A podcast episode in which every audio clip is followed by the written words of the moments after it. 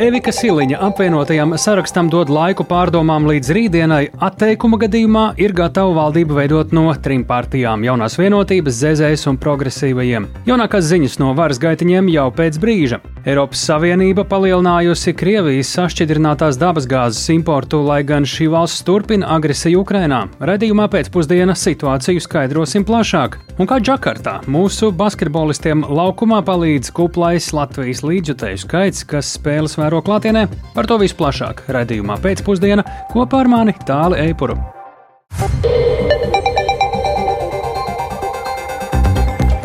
Pūkstens ir 16,5 minūtes. Skan pēcpusdienas ziņu programma, skaidrojot šodien svarīgus notikumus. Studijā tālāk Eipors. Labdien! Apvienotiem sarakstam par dalību koalīcijā ar jauno vienotību, ZZS un progresīvajiem jāizlemj līdz rītdienas pusdienlaikam. Tā pavēstījusi premjera amatam virzītā Evika Siliņa. Ja atbildes nebūs, trīs politiskie spēki pirmdien sāks gatavot jaunās valdības deklarāciju un koalīcijas līgumu. Vienlaikus valsts prezidents Edgars Rinkevičs aizvien pauž cerību par plašāku četru politisko spēku veidot koalīciju. Bet vairāk par to mums tūlīt šeit pat arī ir gatavs pastāstīt tiešraidē Jānis Kīncis. Sveiks, Jāni! Sveiki! Kas šobrīd ir tas svarīgākais jau plašāk par tikko dzirdēto? Jā, premjera amata kandidāte Evika Siliņa uz koalīcijas veidošanas sarunām šajā pēcpusdienā aicināja Zaļo un Zemnieku savienības, progresīvo un apvienotā saraksta pārstāvjus. Un iepriekš to izziņojuši apvienotā saraksta pārstāvji uz šīm sarunām neierudā, neieradās. Un iekšēji šo lēmumu par dalību koalīcijā vai palikšanu opozīcijā pieņems vēlāk, bet ne vēlāk kā līdz rītdienas pusdienlaikam. Tāpēc trīspusējās tikšanās ar ZZS un progresīvajiem uzsvēra Siliņa. Rītdienai ir jābūt skaidrībai, un apspriedām arī daļai apvienotā saraksta publicēto piedāvājumu. Iepriekš jau mēs bijām izrunājuši ar ZZS, ka viņi nepretendēs ne uz tieslietu, ne uz kādu no drošības jomām. Visi vēl mēs gaidām apvienotā saraksta lēmumu, bet tas ir pilnīgi skaidrs, ka tad rītdien viņiem ir jāpasaka, vai viņi nāk šajā potenciālajā koalīcijā, vai viņi nenāk. Siliņa noraida apvienotā saraksta redzējumu, ka topošajā koalīcijā progresīvos vajadzētu aizstāt ar Nacionālo apvienību.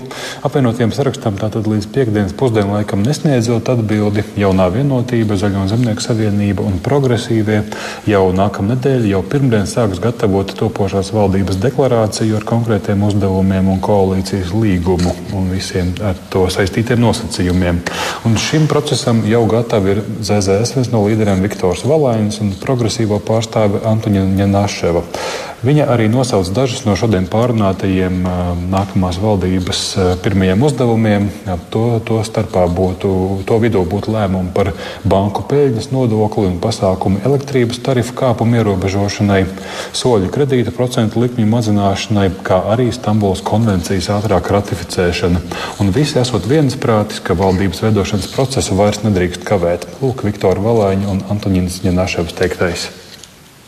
Es šeit redzu profesionālus cilvēkus, kas tik tiešām ir gatavi nākt kopā un strādāt pie valstī nozīmīgiem, svarīgiem jautājumiem, kā vienota komanda. Man grūti komentēt apvienotā saraksta šīs dienas lēmumu. Šādā veidā turpināties ilgstoši nav iespējams. Esam runājuši atkal par satura jautājumiem, par darāmiem darbiem. Mēs paturam durvis vaļā. Mēs, protams, redzam arī joprojām ieguvus no daudz plašākas koalīcijas un redzam arī viņu pienesumu teiksim, dinamiskam darbam. Turpēc līdz ar to ļaujam, un kā prezidents arī teica, vēl laiku līdz rītdienai, lai tomēr nolemtu, vai iet strādāt vai ne. Tik tālu zināms par šo trīs politisko spēku sarunām un redzējumu. Tālāk. Jā, jā nu, mēs zinām arī, ka, protams, nav variantu šim procesam. Cītīgi sako līdzi arī valsts prezidents Edgars Rinkevičs. Kāds ir viņa aktualizētais redzējums par šī brīža situāciju? Jā, nu, pēdējās dienās apvienotā saraksta papildu nosacījumu dēļ koalīcijas veidošanas sarunas ir ielgušas, un uh, Siliņas valdībā vēl bez jaunās vienotības gatavi darboties Zaļo zemnieku savienību un progresīvie. Te vēl, vēlreiz atgādināšu, ka pret progresīvo iesaisti valdībā ir Nacionālā apvienība, tāpēc viņi šobrīd šajā sarunu procesā nepiedalās. Tomēr valsts prezidents Edgars Rinkevičs aizvien uzsver, ka joprojām partijām sasparojoties varētu izveidot arī četru politisko spēku veidotu valdību. Lūk, viņa teiktais šodien Latvijas radio raidījumā Krustpunktā. Es teiktu, līdz rītdienas dienas vidum, dienas otrajai pusē tā skaidrībai jābūt. Pēc tam eh, es uzskatu, ka ar valdības veidošanu ministra prezidenta kandidātei ir jādodas uz priekšu. Izdosies panākt vienošanos par četrām partijām. Man nav tik principiāli svarīgi, kas ir šīs četras partijas. Man ir principiāli svarīgi, ka ir vienošanās par ļoti svarīgiem darbiem, kas ir eh, elektroenerģijas tarifi. Mums ir eh, kredītprocentu pieaugums, mums ir inflācija, mums ir budžets, mums ir iekšējā drošība, robeža, mums ir tik daudz ko darīt, ka vienā brīdī, nu, ja nevar vienoties, liekam punktu. Un, jebkurā gadījumā, demokrātiskajā valstī ir nepieciešama gan rīcības spējīga valdība, gan spēcīga opozīcija. Starp citu, tas ir vēl viens mehānisms, kas arī palīdzēs varbūt uh, valdībai gadījumā, ja tur būs arī ZZS partija, teiksim, nu, un norādīs uz jebkāda veida riskiem un kļūdām arī saistībā ar lēmumu pieņemšanu. Nu, lūk, zināms, ka šobrīd apvienotā saraksta sanāksme par tad, tad, lēmumiem, kā rīkoties, notiek. Un, iespējams, ka tā iestiepsies vēl vakarā, iespējams, ka lēmumu uzzināsim tikai rīt. Centīsimies tam sekot līdzi. Bet, nu, Tad, tad skaidrs ir tas, ka līdz rītdienai sagaidīsim skaidrību, vai runa būs par trīs vai četru politisko spēku veidot valdību. Paldies, sakām Jānim Kīncim tiešraidē par aktuālo situāciju valdības veidošanas procesā. Izskatās, ka tuvākās eh, pāris darba dienas būs eh, šajā ziņā izšķirošas. Tikmēr skolās gan eh, arī neko nevar atlikt, ne vilku garumā. Rīt ir pirmā skolas diena. Un, kā zināms, no 1. septembra mācības tikai valsts valodā jāsāk īstenot mazākumtautību skolās, pirmskolas izglītībā un pamatizglītības pakāpē - 1., 4. un 7. klasē. Būtiskākais kavēklis šajā pārējā ir latviešu valodas skolotāju trūkums. Skolu direktori arī norāda, ka bez tādas tīri tehniskas pārējas uz mācībām valsts valodā skolām arī jānodrošina kopumā latvisku vidi iestādē, un tieši tam tad arī vairāk ir nepieciešami latviešu valodas skolotāji un pedagoģu palīgi. Pedagoģu arotbiedrība secina, ka pieņemot lēmumu par pārēju uz mācībām valsts valodā, nav līdz galam izvērtēts tam vajadzīgais atbalsta apmērs. Plašāk Sintīs Ambotis ierakstā. Lai segmētu pārēju uz izglītību valsts valodā, valdība šajā nedēļā piešķīrusi 1,7 miljonus eiro. Ar šo finansējumu paredzēts mazākumtautības skolās nodrošināt vairāk pedagoģu palīgus, logopēdus un skolotājus pagarinātajās dienas grupās, kas radītu latvisku vidi ikdienas mācībās klasēs un īpaši atbalstītu bērnus gadījumos, ja vecāki valodas prasmu dēļ nevar palīdzēt skolēnam mācībās. Rīgas Rīnožu vidusskolas vadītājs Denis Kļukins norāda, ka skolas kopumā spēj nodrošināt pārēju uz mācībām valsts valodā valodā, bet ir problēmas tieši ar latviešu valodas skolotāju pieejamību darba tirgu. Tieši ar uh, latviešu valodas skolotājiem ir vislielākā problēma, jo priekšmetu skolotāji adaptēsies, bet paši bērni, kas nāk no ģimenēm, ģimenes valoda ir, piemēram, Krieva un Rīga vairāk nekā puse ģimenes runa Krievis. Tur galvenā problēma ir tāda, ka viņiem vajag nodrošināt latviešu vidi bez latviešu valdes skolotājiem un bez jauniem skolotājiem, kuri nevis adaptēs, bet jau ir sagatavoti kārtīgi strādāt valsts valoda, nu, to pārējo nodrošināt būs diezgan problematiski. Rīgas 34. vidusskolas direktora Natālija Rogaļeva iezīmē, ka šajā skolā jau sešus gadus dažādu pakāpju skolēniem piedāvā brīvprātīgi izvēlēties programmas latviešu valodā un šobrīd lielākā daļa to izmantojot. Taču arī šajā mācību gadā vēl daļa skolēnu no 1., 4. un 7. klases sāks šo vienoto programmu valsts valodā. Tomēr direktori apstiprina, ka jau līdz šim skolā esošie latviešu valodas skolotāji strādā pārslodzē. Nu, vēl pirms pieciem gadiem apmēram, es domāju, ka ja man būtu nauda, es varētu atrisināt savas problēmas. Un tagad it kā tā nauda ir. Es gatava maksāt skolotājiem, bet es nevaru dabūt ne pagarinātās dienas grupas skolotāju, ne pedagoga palīgu, Nē, vienkārši skolotāju, jo trūkst fiziskie cilvēki, kuri gatavi strādāt ar bērniem, ar vecākiem šajā vīdē. Latvijas izglītības un zinātnes darbinieku arotbiedrības vadītāja Inga Vanaga secina, ka pieņemot lēmumu par pārēju uz mācībām valsts valodā nav līdz galam izvērtēts nepieciešamais atbalsts pedagoģu un mācību līdzekļu pieejamībā. Turklāt latviešu valodas skolotāju trūkst arī latviešu skolās. Valdība tepat pēdējo sēžu ietverā lēma ja, par šo papildus finansējumu un arī mācību līdzekļu ziņā, jā, ir, nu, zināms nodrošinājums, taču tas nav pietiekams. Novēloti, ja gaidīja pedagoģu saima administrācijas, vai būs šis finansējums, jo politiķi bija jau lēmuši labu laiku atpakaļ un zināja, ka tam būs vajadzīga šī papildus nauda, bet jau pēdējais sekundes simtdienē nezinu, būs tā nauda vai nebūs tā nauda, tad skaidrs, ka arī kāds skolotāju potenciālo pedagogu ir daudz grūtāk uzrunāt. Tāpēc ir vajadzīga pacietība no visām iesaistītajām pusēm un skaidri jāsaprot, ka viena vai otra nērtība būs mācību gada laikā vai kamēr to visu nu, praksē nostabilizētu, iedarbinātu. Pērn saimā pieņemtie grozījumi likumos paredz pārēju uz mācībām tikai latviešu valodā trīs gadu laikā. Šogad pilnīgu pārēju jāīsteno pirmskolas izglītībā un pamat izglītības pakāpē 1, 4 un 7 klasē. Nākošajā mācību gadā mācības tikai valsts valodā uzsāks 2., 5. un 8. klasē, bet 2025. gadā pievienosies arī 3., 6. un 9. klases. Sinti Ambota, Latvijas radio. Bet sākoties jaunajam mācību gadam, valoda nav vienīgais sarežģījums, ir bažas par sporta izglītības pieejamību skolēniem Daugopilī. Sākot ar 1. septembri pieaugs vecāku līdzmaksājums Daugopils izglītības iestādēs, kuras īsteno profesionālās un interešu sporta programmas. Maksa augs no 10 eiro mēnesī līdz 15-20 eiro mēnesī, atkarībā no sporta veida. Pašvaldības šādi domā saglabāt programmu kvalitāti lielas inflācijas laikā, kā arī uzlabot sporta skolu audzēkņu materiālu tehnisko nodrošinājumu un arī veicināt dalību starptautiskās sacensībās. Finanšu sadalē plānots arī palielināt vecāku iesaisti. Tikmēr opozīcijas deputātiem pašvaldībā ir bažas, ka tāpēc arvien mazāk bērnu varēs atļauties apmeklēt sporta skolu nodarbības.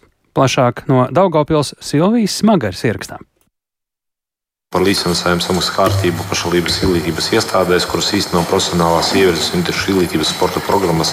Jautājums par vecāku līdzmaksājumu apmēra paaugstināšanu Dāngāpils sporta skolās domas sēdē iekļauts kā pēdējais papildu jautājums. Tam uzreiz seko opozīcijas deputātu iebildes. Kāda ir nepieciešamība šim lēmumam, jo mēs paceļam tagad gandrīz divas reizes dalības maksu.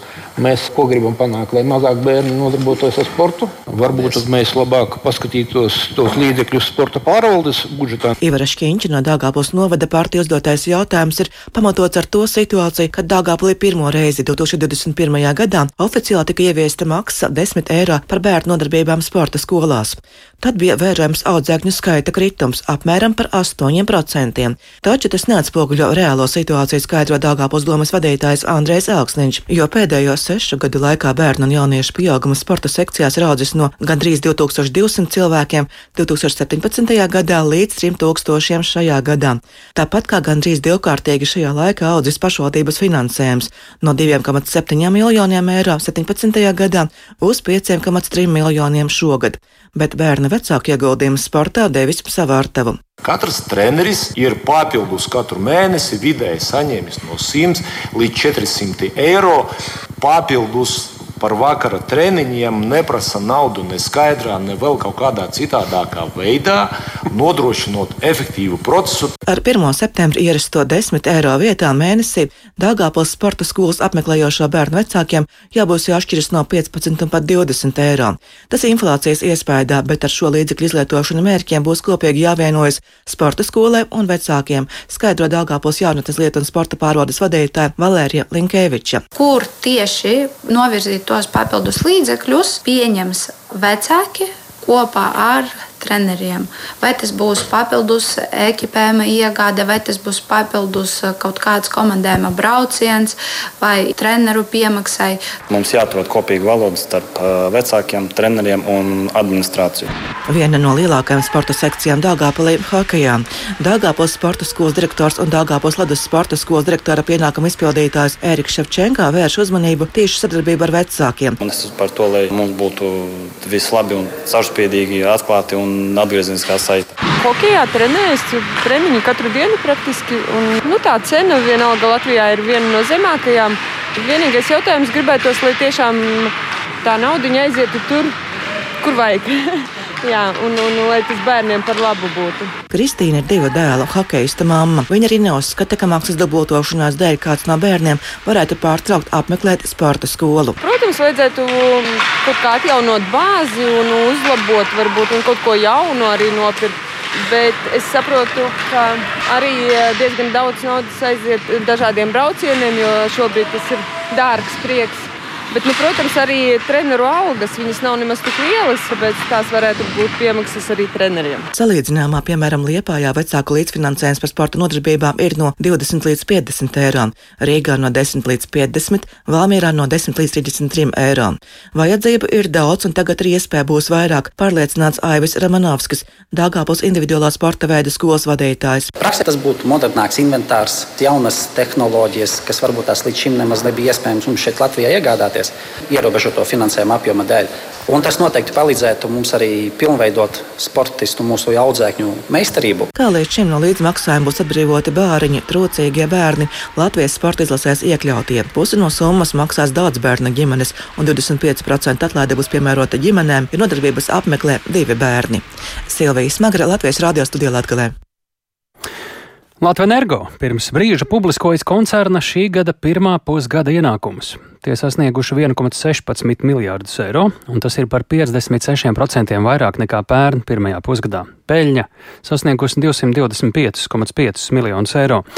Dividendēs valstī pērn izmaksāti 134 miljoni eiro. Kā Latvijas radio informē uzņēmumā, Latvijas energo pirmajā pusgadā saražojas lielāko elektroenerģijas daudzumu pēdējo piecu gadu laikā par 56% vairāk nekā gadu iepriekš. Līdz ar to arī pārdots par 28% vairāk elektroenerģijas elektroenerģijas. Turklāt trešā daļa no tā pārdota ārpus Latvijas. Uzņēmumam arī būtiski audzis klientu skaits Lietuvā. Pie mūsu klausulas akcijas sabiedrības Latvijas energo valdes priekšsēdētājs un izpildirektors Mārtiņš Čakste. Labdien!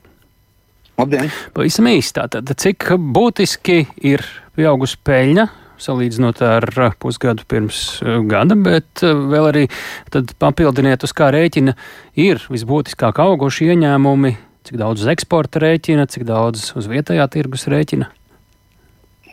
Jā, nu tad uh, vairāk faktori, protams, ir to ietekmējuši. Viens no svarīgākajiem faktoriem ir uh, Daugavas Hesse izstrāde. Uh, bija netipiski citiem gadiem plūdi, kas sākās jau janvārī un februārī, un, un tas radīja lielāku pieteci un, un arī saražotās elektrības apjomu. Nu, un arī vēsturiski tā lielākā daļa Helsijas izstrādes ir tieši pirmajā pusgadā. Šogad, šogad tā bija krietni 44% virs vidējā. Bet jā, jāsaka, ka uh, trešajā kvartālā gan tā pieticis ir atkal zem vidējā. Tā tās laikam ir tās jaunās klimata izmaiņas, pie kurām ir jāpierod. Nu, nākamais faktors ir tas, ka uh, pārsteidzoši ātri jāsaka, nokrita gāzes cenas uh, tirgu, un tas ļāva arī teciem strādāt. Un, uh, atkal izkonkurēt varbūt Igaunijas ogļu stacijas, un, un tas arī radīja pret pagājušo gadu divas pusreizes lielāku izstrādi. Un diezgan veiksmīgi mums ir izdevies uh, darboties arī uh, ārējos Baltijas tirgos, un uh, Lietuvā tika atvērts šis otrais uh, etaps, uh, kad um, atvērts uh, brīvais tirgus elektroenerģijai, atšķirībā no Latvijas un uh, Igaunijas. Tur šis tirgus bija um, slēgts kādu laiku. Mēs, mēs pacīnījāmies gan par pirmo posmu, gan par otrā posmu. Vēl ir gaidāms arī trešais 25. gadā. Un mēs šobrīd esam Lietuvā stabili otrais lielākais spēlētājs. Kā, jā. Par jā. to peļņu. Kāds ir bijis pieaugums salīdzinot ar iepriekšējā gada tādu pašu periodu? 220, 222,5 miljonu eiro šajā pusgadā. Kāds ir pieaugums salīdzinot ar iepriekšējo gadu? Uh, pret pagājušo gadu tas ir 57% pieaugums. Protams, jāsaka, ka šogad uh, tās elektrības svārstības nav bijušas tik, tik dramatiskas kā pagājušajā gadā. Tas varbūt ir uh, ļāvis uh, mazliet stabilāk strādāt arī gāzes tirgu. Jāsaka, arī gāzes tirgu mēs esam uh, vairāk kā dubultojuši klientu skaitu, jo, kā jūs zinat, no māja arī šis tirgus ir atvērts Latvijā brīvai tirdzniecībai, un tas ir devis arī, arī mums iespēju piedalīties un uzlabot savus rādītājus. Tāpat, tur, tāpat arī esam kļuvuši aktīvi eksporta tirgos. Mēs tā vairumtirdzniecībā tirgojam gāzi arī uz tāliem tirgiem kā Somija un, un citas valstis. Kā, nu, daudz tie faktori, kas ir sakrituši šogad, un, un, un jāsaka, ir uh, bijuši labvēlīgi mums. Nu, mēs zinām, ka elektrības gala tarifi tur gan iekšā nav tikai Latvijas energo, tur arī sadalījums tīklus un līdzīgi. Nu, tas ir ļoti jūtīgs temats sabiedrībā šobrīd. Ar kādu attieksmi uzņēmums rēķinās, publiskojot nu, jāsaka, ļoti labus peļņas rādītājus? Nu, jāsaka, ka uh, ir daži mīti, ir uh, jāizkliedē.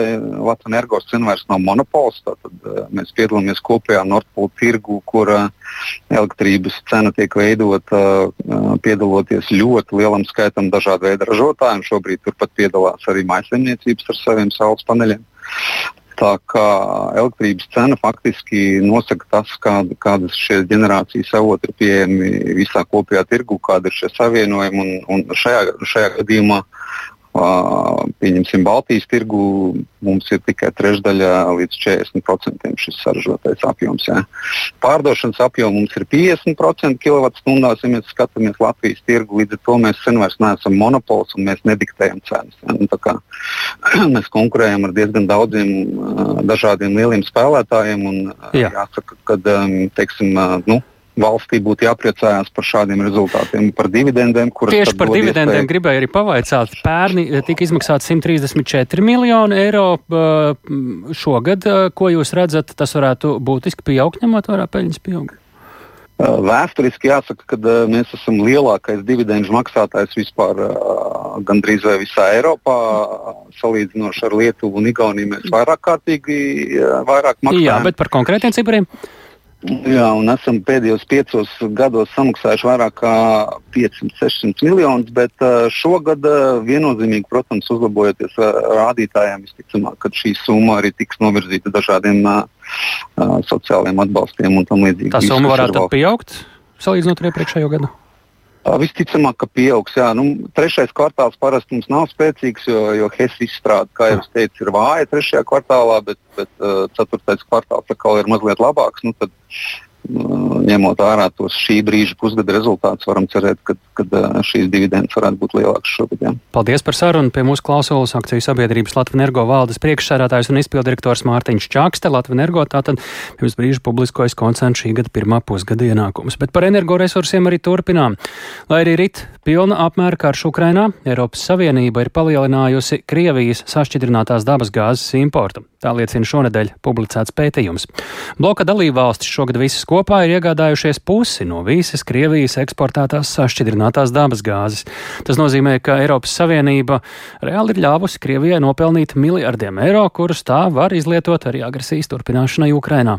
Vairāk par to Ulda Ķeizbere ierakstā. Šī gada pirmajos septiņos mēnešos Eiropas Savienības dalībvalstis ir iztērējušas gandrīz 5,3 miljārdus eiro, lai iegādātos Krievijas sašķidrināto dabas gāzi. Laikā no 1. janvāra līdz 31. jūlijam Eiropas Savienība importēja 22 miljonus kubikmetru Krievijas sašķidrinātās dabas gāzes, kas ir par 40% vairāk nekā tajā pašā laika posmā 2021. gadā. Šos skaitļus ir izgaismojusi starptautiskā nevalstiskā organizācija Global Witness, kas apgalvo, apgalvo, ka līdz 31. jūlijam Eiropas Savienības dalībvalstis bija iegādājušās 52% no Krievijas šogad eksportētās sašķidrinātās dabasgāzes apjoma. Salīdzinājumam pērn tie bija 49%, bet 2021. gadā 39%. No Eiropas Savienības kopējā šogad importētā sašķidrinātās dabasgāzes apjoma Krievijas sašķidrinātā dabasgāze veido 16%. Ziņojumā teikts, ka Eiropas Savienības dalībvalstis Spānija un Beļģija Beļģija ir lielākās Krievijas sašķidrinātās dabasgāzes importētājas aiz Ķīnas. Spānija šī gada pirmajos septiņos mēnešos ir iegādājusies 18%, bet Beļģija 17% no Krievijas eksportētās sašķidrinātās dabasgāzes. Taču ne Spānija, ne Beļģija nav galvenās šīs gāzes patērētājas. Visticamāk, ka to iepirktā dabasgāze pēc tam nonāca citās Eiropas valstīs. Global Witness norāda, ka iegādājoties dabasgāzi no Krievijas, pircējs finansē Maskavas izvērsto asiņaino pilna apmēra karu Ukrainā. Organizācija arī norāda uz Eiropas Savienības dalību valstu divkosību, aktīvi nosodot Krievijas karu Ukrainā, bet vienlaikus iepludinot lielas summas šīs valsts budžetā. Jūlijā Global Witness publicēja ziņojumu, kurā bija teikts, ka Francijas enerģētikas milzis Total šogad ir ir iegādājies vismaz 4,2 miljonus kubikmetrus sašķidrinātās dabasgāzes no Krievijas. Organizācija apsūdzēja Total Krievijas kara mašīnas finansēšanā tādējādi veicinot karu Ukrainā un apdraudot Eiropas drošību. Uzņēmums visus pārmetumus noraidīja, paziņojot, ka tas ievēro visas Eiropas Savienības noteiktās sankcijas un ir nosodījis Krievijas karu Ukrainā. Krievijas sašķidrinātās dabasgāzes imports uz Eiropas Savienību ir pieaudzis neraugoties uz amatpersonu aicinājumiem pārtraukt energoresursu iegādi no agresoru valsts.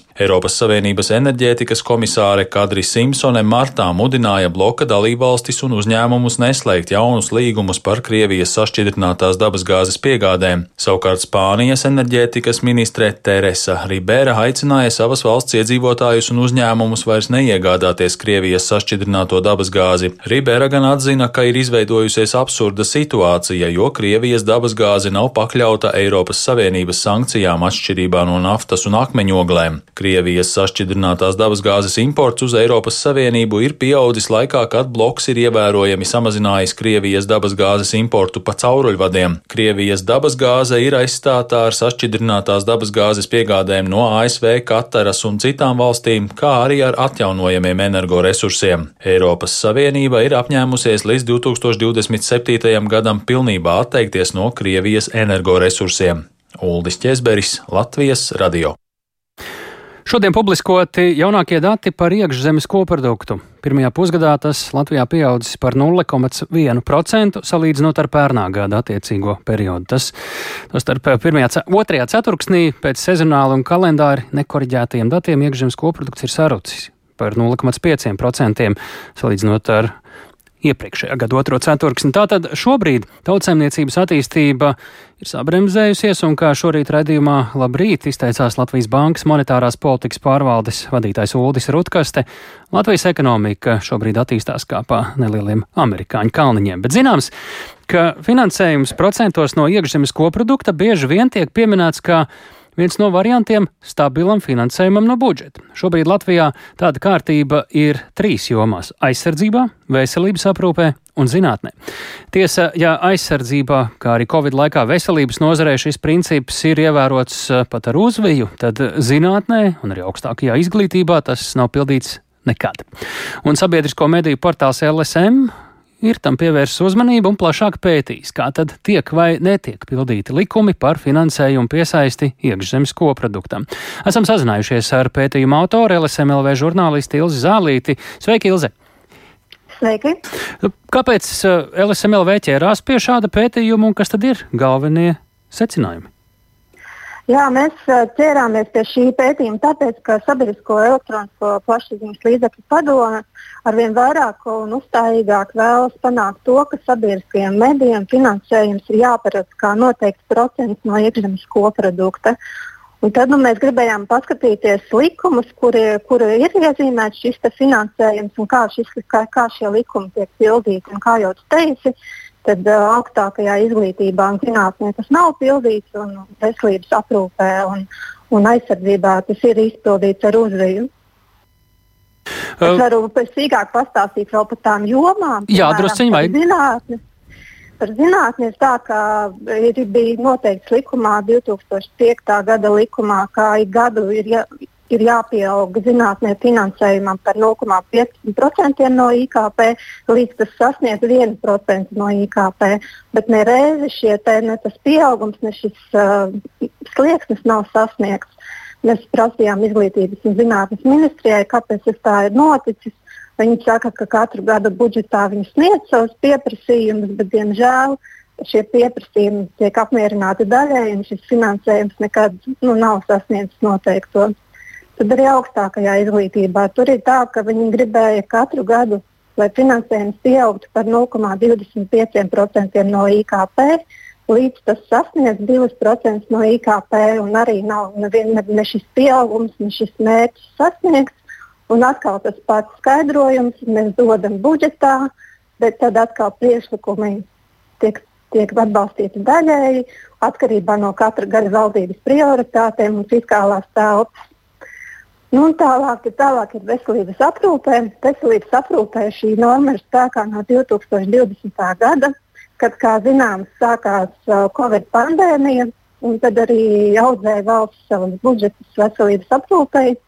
Un tad nu, šī norma tika pildīta ar uzviju pat 5,8% un plānoto 4,4% vietā. Un šogad būs šie 4%, jo tās Covid naudas šogad ir mazākas un tā likuma norma knapi tiks izpildīta. Bet nu, aizsardzība, kā jau jūs zināt, uh, ir NATO mērķis, lai valstis ik gadu paredz 2% no iekšzemes koprodukta aizsardzībai.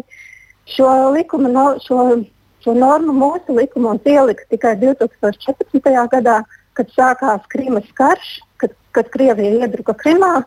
Tad uh, sistemātiski audzēja šo slieksni no 2%, tagad jau tie ir 2,5%.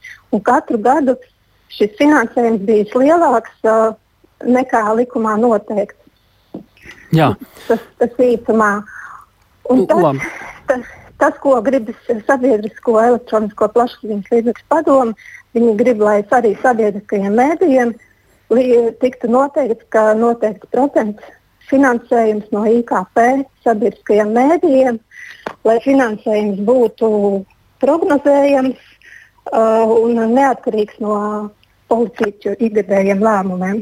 Nu, kā mēs redzam no iepriekš secinātā, tad tas diemžēl ir atkarīgs no politiķu lēmumiem. Tad, Vai mēs varam teikt, ka šāda veida sabiedrisko elektronisko plašsaziņas līdzekļu padomas mērķis ar tādu iebetonēšanu šī finansējuma vispār ir ar cerību, ka tas tiešām tā arī būs? Pieredze rāda, ka Nu, redz, mūsu izpētītais liecina, ka pat ieliekot likumā, nav garantijas tas, ka, tis, ka tas tiks pildīts, jo zinātnē un augstākajā izglītībā tā nauda netiks piešķirta atbilstoši likumā noteiktajam. Un, un sabiedrisko elektronisko plašsaziņas līdzekļu padomu nedomā to, plāno, lik, nedomā to likt likumā, bet uh, mediju attīstības plānā, kam, kā zināms, ir mazāks svars nekā likumam. Un, uh, bet, nu, viņi cer, ka uh, kad, ka politiķi pildīs šīs normas un, un sabiedriskajiem, sabiedriskajiem mēdījiem atvēlēs vajadzīgo finansējumu, jo viņi arī atsaucas uz vienu citu likumu, uh, ka, ka Latvijā ir jāievieš mm -hmm. tāds sabiedrisko mēdīju finansēšanas modelis, kas nodrošinās neatkarīgu, atbilstošu un prognozējumu sabiedrisko mēdīju finansējumu. Paldies! Es vēl gribēju pateikt to, ka uh, uh, padome vēlējās, lai tiktu noteikts 0,12% finansējums no IKP sabiedriskajiem mēdījiem. Tāds uh, skaitlis, tad nu, jārēķina, cik tas nozīmētu reālos miljonos uh, šobrīd, šobrīd vai tālāk. 0,09. Mazāk, daudz mazāk. Daudz mazāk. Paldies Ilzai Zālītei, LSMLV žurnālistei par šo pētījumu. Vairāk lasiet sabiedrisko mediju portālā LSMLV, bet Rīgā Pēdējā brīdī nolemts par diviem gadiem pagarināt plānotā satiksmes departamenta reorganizāciju. Vienīgās pārmaiņas eh, šobrīd būs jauns nosaukums. Turpmāk satiksmes departaments būs ārtelpas un mobilitātes departaments. Tā šodien nolems domas ārkārtas sēdē. Jāatgādina, ka satiksmes departamenta pārveidošanas termiņš līdz šim bija noteikts rīt, taču tagad nolemts, ka Tas notiks pakāpeniski. Pret pēkšņo lēmumu skaļi iebilda opozīcija, vaicājot, kāpēc mēnešiem plānoto reorganizāciju jaunā koalīcija ir atlikusi uz tik ilgu laiku. Plašāk Viktora Demidova ierakstā. No rītdienas satiksmes departamenta nosaukums būs ārtelpas un mobilitātes departaments. Tā šodien nolēma Rīgas domas ārkārtas sēdē, taču vērienīgās reformas vietā ir mainīts tikai nosaukums. Šoziem pašvaldība informēja, ka pārveidos satiksmes departamentu, teritorijas labiekārtošanas pārvaldi, publiskās infrastruktūras attīstības pārvaldi un Rīgas gaismu. Iemesls - infrastruktūras pārvaldība pilsētā ir sadrumstalota. Pavasara sākumā iepriekšējā koalīcija reorganizāciju atbalsta atbalstīja, nosakot, ka jaunais ārtelpas un mobilitātes departaments darbu sāks no 1. septembra, jeb rītdienas. Taču šodien jaunā koalīcija plānu atlika, nosakot, ka pārveide notiks pakāpeniski. Nākamā gada martā līdzinējam satiksmes departamentam plānots pievienot tikai Rīgas gaismu, bet visu pārveidi gatavojas pabeigt 2025. gada 1. septembrī. Kā iemeslu jaunā koalīcija min iepriekšējos gados sākto Brasas tilta un Austrijas Austrum maģistrāles projektu, kas jāpabeidz šogad, turpina Rīgas mērs Vilnis Čirsis no jaunās vienotības. Jautājums, vai mēs esam gatavi riskēt, nu, protams, ne ar visiem, droši vien ar daļu, ja, 10, 20, 30 miljoniem, noņemot uh, finiša taisnē to komandu, kas ar tiem strādājuši, samainot to pret citu, un to skaidri un gaiši parāda reorganizācijas plāns. Ja kolēģi ir gatavi izsniegt vekseli par 10, 15, 20 miljoniem, ko mums varētu draudēt finanšu korekcija, lūdzu, ejam ar šo reorganizāciju uz priekšu. Ar skarbiem vārdiem lēmumam nepiekrīt opozīcija, kuri neizprotot, kāpēc reformu nevar īstenot, piemēram, ar 1. janvāri. Turpina opozicionārs Viesturs Kleinbergs no progresīvajiem. Dienu pirms reorganizācijai jānoslēdz apturēt reorganizācijas procesu var tikai un vienīgi vai nu cilvēki, kuri nekad nav vadījuši nopietnas uzņēmumus, nopietnas struktūra vienības, kur uh, reorganizācijas laikā mainās cilvēku dzīve, iespējamās darbinieku algas, kas bija solītas arī inženieriem. Otrs variants ir, nu, tā ir oligofrēnija. Nu, tā ir tāda smaga plānprātības pakāpe. Arī bijušais mērs Mārtiņš Staķis divus gadus ilgajai pārveidei nepiekrīt. Nu, neesies šajā gadījumā balsošanas mašīnas, taču visi saprot, ja mēs neko nemainām satiksmes departamentā, tās problēmas tik augs augumā, un tas ir departaments, kurā visvairāk ir vajadzīgs pārmaiņas. Jaunās koalīcijas lēmumam iebilst arī organizācijā Pilsēta cilvēkiem. Tās pārstāvis Mihails Simbolīdī vienlaikus arī šaubās, vai apvienojot vairākas iestādes, visas satiksmes departamenta problēmas būs atrisinātas. Kas ir neefektīva līdzekļu izlietošana, arī speciālistu kuriem būtu izpratne par mūsdienīgu pilsētvidi trūkums, Man šķiet, ka nu, pie tās reorganizācijas vajadzētu tomēr piet pamatīgāk. Jāatzīmē, ka pašvaldībā nesot īstenot arī ieteiktās satiksmes departamenta kapacitātes stiprināšana. Piešķirtās papildu 14 darba vietas departamentā tā arī nesot aizpildītas. Viktors Demidovs, Latvijas radio. Bet, eh, starp citu, sports ir viens no virzieniem, par ko atbild uh, izglītība par spīdstrīdiem, par finansējumu. Tieši tas, uh, diemžēl, ir Latvijas vārdu pasaulē nes īpaši skaļi. Dodamies uz Indonēziju, kur pasaules kausā basketbolā skaļi sevi ir pieteikusi Latvijas izlase kopā ar tās faniem. No turienes mums ziņo, ka Latvijas vīri izlase pēc vienas brīvdienas šodien atkal svīda basketbola laukumā, gatavojoties grupu turnīru otrās kārtas pirmajam mačam pret pašreizējiem pasaules čempioniem Spāniju. Bet pavisam noteikti viens no lielajiem sarunu tematiem grupu turnīra pirmajā daļā tur Džakartā ir bijuši arī Latvijas līdzutēji. Tieši viņi ir radījuši atmosfēru arēnā, dzenot uz priekšu savu komandu. Līdzutēju gaitās Indonēzijā ir ielūkojies mūsu kolēģis Māris Bergs. Sveiks, Māri, Džakartā! Sveiks, tālu, sveicināti klausītāji. Cik tad gal galā daudz līdzjutēju beig beigās no Latvijas varētu īsti būt, vai ir kādi precīzāki skaitļi? Nē, tādu pat, patiešām precīzu skaļu nav. Tās varbūt tikai ir aplēses, ka ir apmēram 2, 2,5, 3 tūkstoši cilvēku. Tas ir tā skatoties uz aci. Un līdzjutēju skaits uz šo, šīm otrās kārtas spēlēm varētu būt nedaudz, nedaudz mazāks, tāpēc, ka cilvēki pamazām atgriežas atpakaļ Latvijā. Ir, daļ, ir kaut kādi cilvēki, kas ir izbraukuši, piemēram, uz Balijas salu atpūsties. Līdz ar to varbūt pavisam, pavisam mazliet mazāk skatītāji būs tagad otrās kārtas mačos tāli. Jā, nu, latviešu fani neapšaubāmi ir skaļi, un Džakartā rada uh, tādu mājas spēļu sajūtu, ko iepriekš ir atzīmējuši ne tikai mūsu komandas spēlētāji, bet eh, vai fani izceļas arī vēl kādos veidos, eh, ne tikai pieminētiem. Jā, latviešu fani izcēlušies ar uh, radošu pieeju savu tārpu veidošanā. Tur daža, dažādi risinājumi redzēti, kā interesanti ir iespējams saģērti, saģērbties, izmantojot Latvijas krāsas. Tiešām uh, ļoti interesanti un nebija iepriekš pat tā redzēts basketbola spēlēs, ka mūsējie pie tā tik ļoti piedomā. Bet uh, katrā ziņā tā arī ir viena lieta, ar ko latvieši izceļas ar šo košumu krāšņumu savu tārpu izvēlēt. Citām valstīm tā nav tāli. Un Džakarta ļoti īpaša pilsēta pilsētā ne tikai mūsu fani ir īpaši, kādas viņiem ir atsauksmes par vietu, uz kurien viņi ir aizbraukuši. No atsauksmes gan ir dzirdētas visdažādākās. Ir cilvēki, kuriem vairāk vai mazāk patīk, ir tādi, kuri saka, ka uz šejienu gan vairāk nekad nebrauks. Bet paklausīsimies, ko tad daži no faniem arēnā par šo pilsētu teica. Galvenais, ka ir labs basketbols, laba spēle. Tas ir pats galvenais. Nu, varēja būt laika apstākļi bijuši labāki, tādā ziņā, ka gaiss varēja būt svaigāks. Mazliet pārtika varbūt varētu, varēja būt, būt labāka, teiksim, nu, ne labāka, bet nu, daudzveidīgāka, eiropeiskāka. Nu. Bet tā kopumā ir baigta forša. Nu, Džakarta pat droši vien nebūs vieta, kur es gribēšu atgriezties, bet basketbols to visu atsver, jāsaka tā. Un, uh, Nu jā, šodien mēs bijām izbraukuši bišķiņā ārpus Džakartas uz tām salām. Tad... Es neteiktu, ka tās vietas, tie apskates objekti būtu kaut kas wow.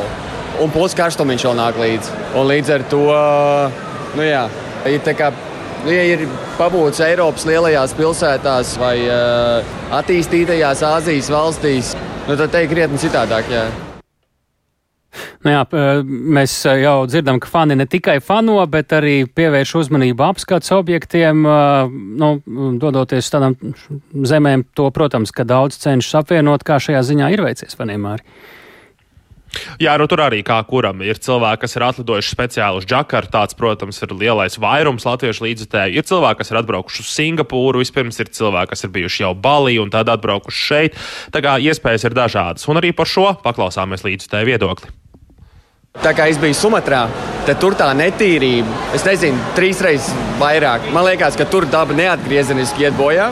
Upes, dabas parki, nu, kaut ko tādu es nebiju redzējis. Nu, tur, nu, mēs kā Eiropieši.